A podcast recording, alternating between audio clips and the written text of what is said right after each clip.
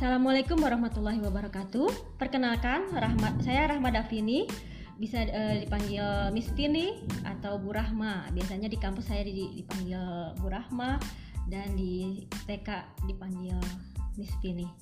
Nah, saya berpro- berprofesi sebagai guru di salah satu taman kanak-kanak di Kota Bandung, yaitu di Cerdas Mandiri Play School eh, yang beralo- yang berlokasi di Jalan PSM nomor 35 Kiara Condong Bandung. Eh, saya juga melanjutkan kuliah eh, di Universitas Islam Nusantara jurusan prodi PG PAUD em, semes- sekarang masuk semester 4. Baiklah, di sini saya akan berbincang-bincang eh, bersama teman saya tercinta yaitu Ibu Yanti Juwita. Udah siap Bu Yanti? Insya Ya. Allah. Baiklah, sebelum eh, diwawancara Ya. di eh, ya eh, silakan boleh perkenalkan diri terlebih dahulu. Ya, oke. Silakan. Oke, terima kasih ya Miss Pini ya. Iya sama-sama. Assalamualaikum warahmatullahi wabarakatuh. Perkenalkan nama saya itu eh, Ibu Yanti ya. Biasa disapa kalau eh, di komunitas itu biasanya Umi Yanti ya. Kalau di sekolah itu ya Ibu Yanti. Ini eh, saya eh, selain saya sebagai seorang guru, saya juga sebagai ibu rumah tangga juga yang mempunyai empat orang anak Wow, masya dan Allah. satu suami. Semangat. Satu aja nih. Iya satu aja. Oh, iya, iya. Insya Allah ya sampai Hmm. akhir hayat. Iya, amin. Amin. Iya. Silakan Miss Pini. Oh iya. Eh, katanya Oke. apa mau? Oh, oh iya ini ada beberapa pertanyaan sih yang eh, saya akan sampaikan kepada Iya. Bu Yanti eh, mengenai ya sekitar se- seputar itulah Profesi pendidikan ya. Oh, iya. pendidikan anak usia dini. Nah, mas dalam eh, di masa pandemi ini ya. Nah, pertanyaannya adalah sejak kapan nih Bu Yanti berprofesi sebagai pendidik anak usia dini? Terus guru TK. Ya kalau saya sih sebetulnya sudah zaman old ya, udah udah udah udah lama banget gitu kalau Oh, untuk iya, iya. ini. Saya itu pertama kali mengajar itu pada tahun 2002. Pada, 2002, iya, pada, iya, iya. eh, tahun 2002. Setelah saya lulus SMA, kemudian saya ikut mengajar di PGTK eh, di PG Di TK. di TK eh, Pusdai? Jawa Oh, iya. Barat ya di Pusdai. situ. Iya, iya, Iya, iya. Karena saya salah satu perintis juga di sana Oh iya. gitu ya bersama teman-teman yang lain. Kita di, eh, di situ eh, mengajar Berapa Eh, lama bu? selama lima tahun. Sampai saya lima pokoknya saya keluar itu ketika saya sudah punya anak satu masih bayi ya gitu karena saya di situ pengen fokus fokus dulu gitu Oh iya. untuk iya. eh, Untuk mengurus ya eh, anak Karena memang benar-benar anak pertama ya. Iya anak Harus pertama fokus. oh, ini sekali ya kita iya. juga pengalamannya juga masih baru ya. Iya betul. Kalau sekarang udah empat sudah terbiasa. iya betul. Iya. Oke deh. Hal apa saja nih yang memotivasi Ibu Yanti sehingga mempunyai niat yang mulia untuk menjadi seorang guru TK hingga sekarang dan bagaimana perasaannya saat menjalankan profesi ini?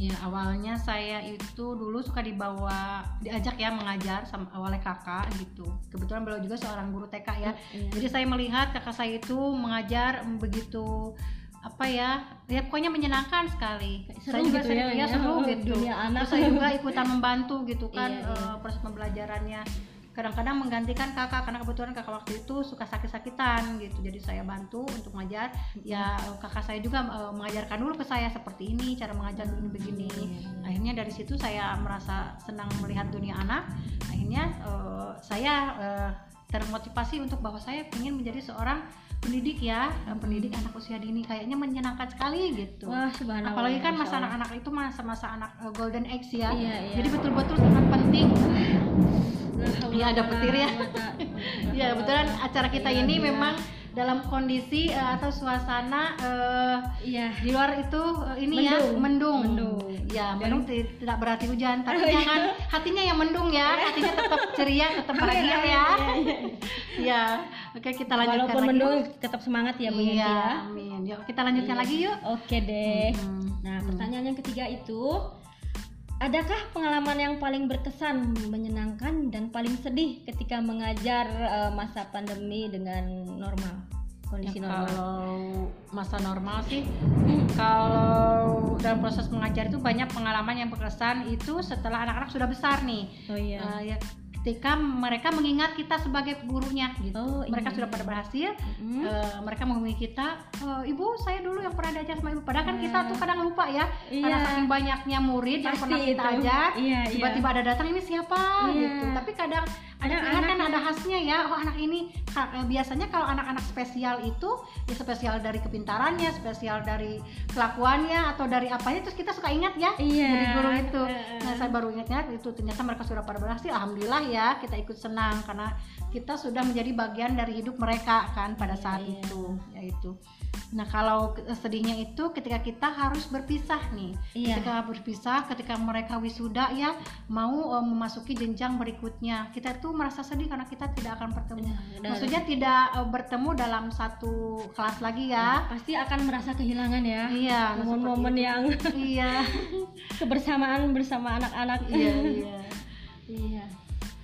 Baiklah, yang pertanyaan sel- selanjutnya adalah sudah menjadi kewajiban nih seorang pendidik nih ya untuk memberikan pelayanan pendidikan kepada anak didiknya. Nah, ketika Ibu Yanti diberikan tugas untuk mengajar pada masa pandemi ini dan mengalami kesulitan dalam membimbing Ananda, Ananda secara online dengan sistem belajar dari rumah, tindakan apa yang Ibu lakukan agar proses belajar dan mengajar di rumah tetap berjalan dan diterima baik oleh orang tua dan anak-anak tetap tetap senang belajar di rumah. Oke, ya maksudnya mungkin di situ metode ya, metode pembelajaran di masa pandemik itu seperti apa ya, Miss ya? Eh, metodenya. Iya, jadi iya, metode yang diterapkan di lembaga kami ketika masa pandemi itu yaitu melalui media daring, bisa Oh, video iya. call atau Zoom meeting. Iya. Guru eh, diberi keleluasaan untuk memilih metode mana nih yang dianggap sesuai Oh, dan iya. dianggap paling praktis, tetapi materi tersampaikan dengan baik. Dan Iya. saya biasanya itu paling senang menggunakan media Zoom meeting ya. Oh iya. Iya, karena Zoom meeting itu fasilitasnya banyak tuh, Miss. Iya. Eh, selain itu juga eh, kita bisa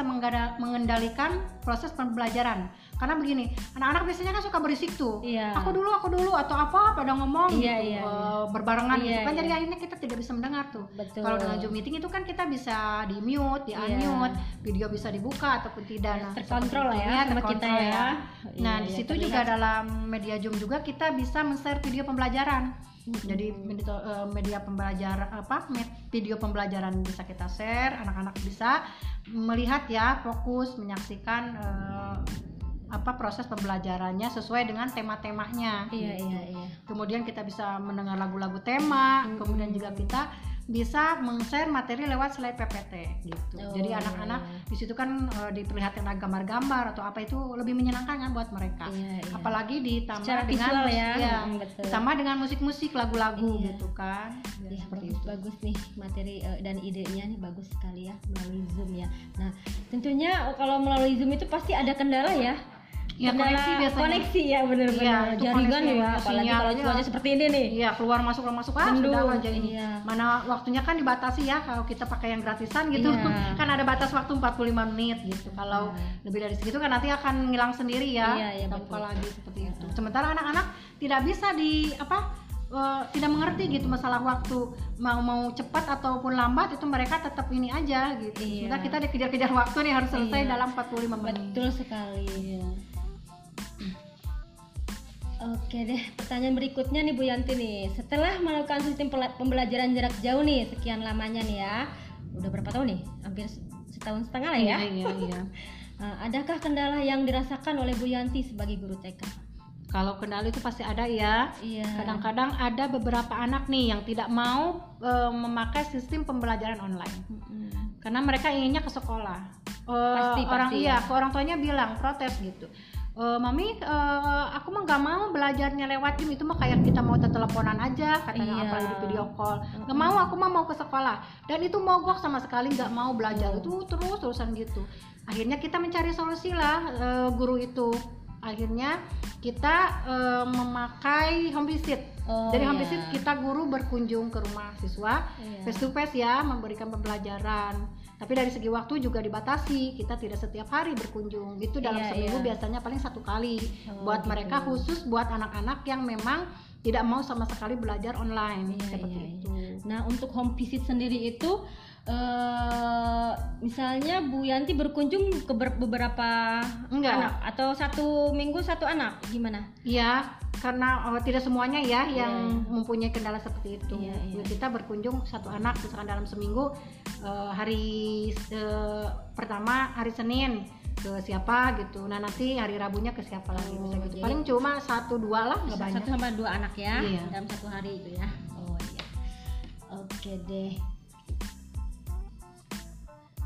Ya pertanyaan berikutnya, adakah kelemahan dan kelebihan dari sistem pembelajaran jarak jauh di masa pandemi ini yang telah berjalan hampir 2 tahun? Ya Ada kalau kelemahannya tuh lebih banyak ya banyak ya kelemahan dari sistem pembelajaran jarak Iya. jauh ini yaitu anak itu tidak bisa bersosialisasi, Betul tidak bisa sekali. bereksplorasi. Iya betul sekali. Eh, iya, mereka jadi eh, kaku gitu pesannya itu ya. Ya kalau karena terus kebanyakan main game juga ya. Iya, Hmm, fisiknya juga lari. tidak terlatih tuh. Iya. Eh, kebugarannya seperti itu, motorik Iya, halus, motorik iya. kasarnya tidak terangsang, ter- Iya, tidak terstimulasi stimulasi Ter- ya. iya, betul, Karena betul. di rumah itu kan banyak yang dipegang gadget.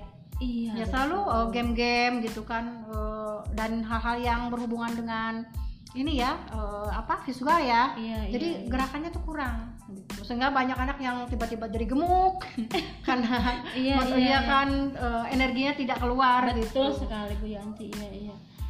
Itu berhubungan dengan kemandiriannya juga ya. Iya. Kalau di rumah pasti nggak akan mandiri ya. Iya, dilayanin dibantu terus, sama eh, iya. selalu pengen dibantu sama, Sama ayah dan ibunya papanya. atau sama kakaknya gitu kan. Hmm. Oke deh.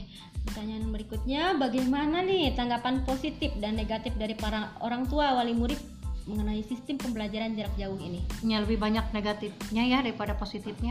Kalau Iya. positifnya orang tua memang tidak susah-susah mengantarkan anak ke sekolah nih. Nah, itu Jadi kan sudah aja diam di rumah mau Iya. mandi ataupun enggak juga Iya, nggak jadi bet- masalah Iya, gitu. betul. Nggak su- nggak susah-susah Iya, iya, ini iya. apa mengajak anak-anak seperti itu. Kalau negatifnya itu orang tua merasa eh, apa ya khawatir juga ya kalau terus-terusan eh, lihat di kamera Iya. gitu ujung itu eh, takutnya anaknya apa matanya jadi rusak Ya, mudah bosan juga kan. ya, mudah bosan Iya, iya, juga kan moto- monoton ya begitu Iya. begitu saja eh, ininya juga terus orang tua juga kan kesulitan ya untuk sementara mendampingi. iya sementara anak-anak mereka kan butuh ini ya interaksi Iya, teman-temannya iya. bersosialisasi di Iya, sekolah energinya Oh. butuh dikeluarkan Iya, gitu. betul, apalagi buat energinya. anak-anak yang memang super super aktif ya Iya. gitu. mereka butuh penyaluran gitu betul nah, sementara kalau di rumah cuma diem aja iya pegang HP. Kalau di sekolah kan mereka mereka bisa bereksplor ya, Bereksplor, iya. bisa bisa lari-lari bersama Iya. teman-temannya, bermain, Bermain. banyak mainan di sekolah itu Iya, kan. betul Ya. sekali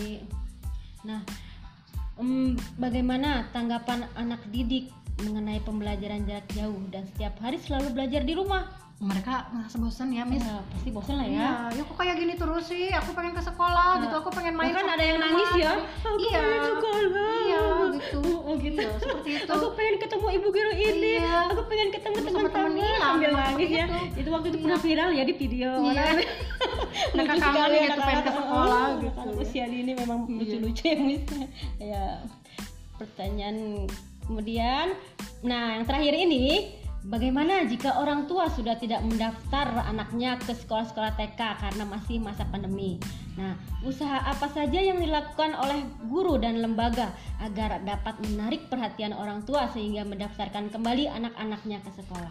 Ya, eh, kita memberikan sosialisasi ya kepada orang tua dari pihak sekolah menerangkan tentang eh, sistem belajar yang eh, sekarang gitu ya. iya.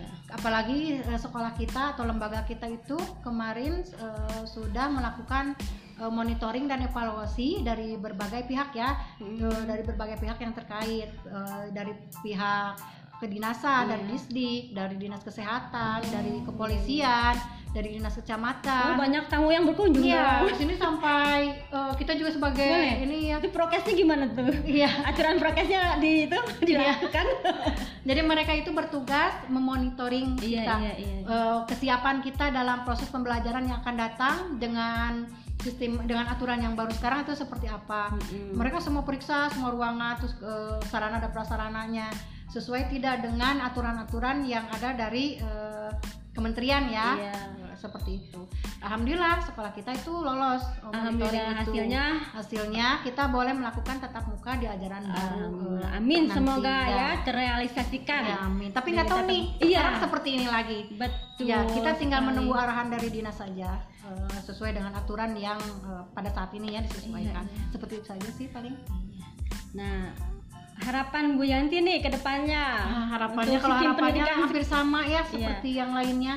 Mudah-mudahan pandemik cepat selesai. Amin. Terus amin kita ya bisa Allah. bersekolah kembali. Iya, Anak-anak bisa kembali ke sekolah, Iya, belajar di amin. sekolah bersama Iya. teman-temannya, Iya, bersama dengan ibu gurunya ya. Seperti itu Semoga saja. corona sudah tidak ada lagi Iya, ya. semuanya sehat selalu. Sehat, sehat selalu ya. Amin,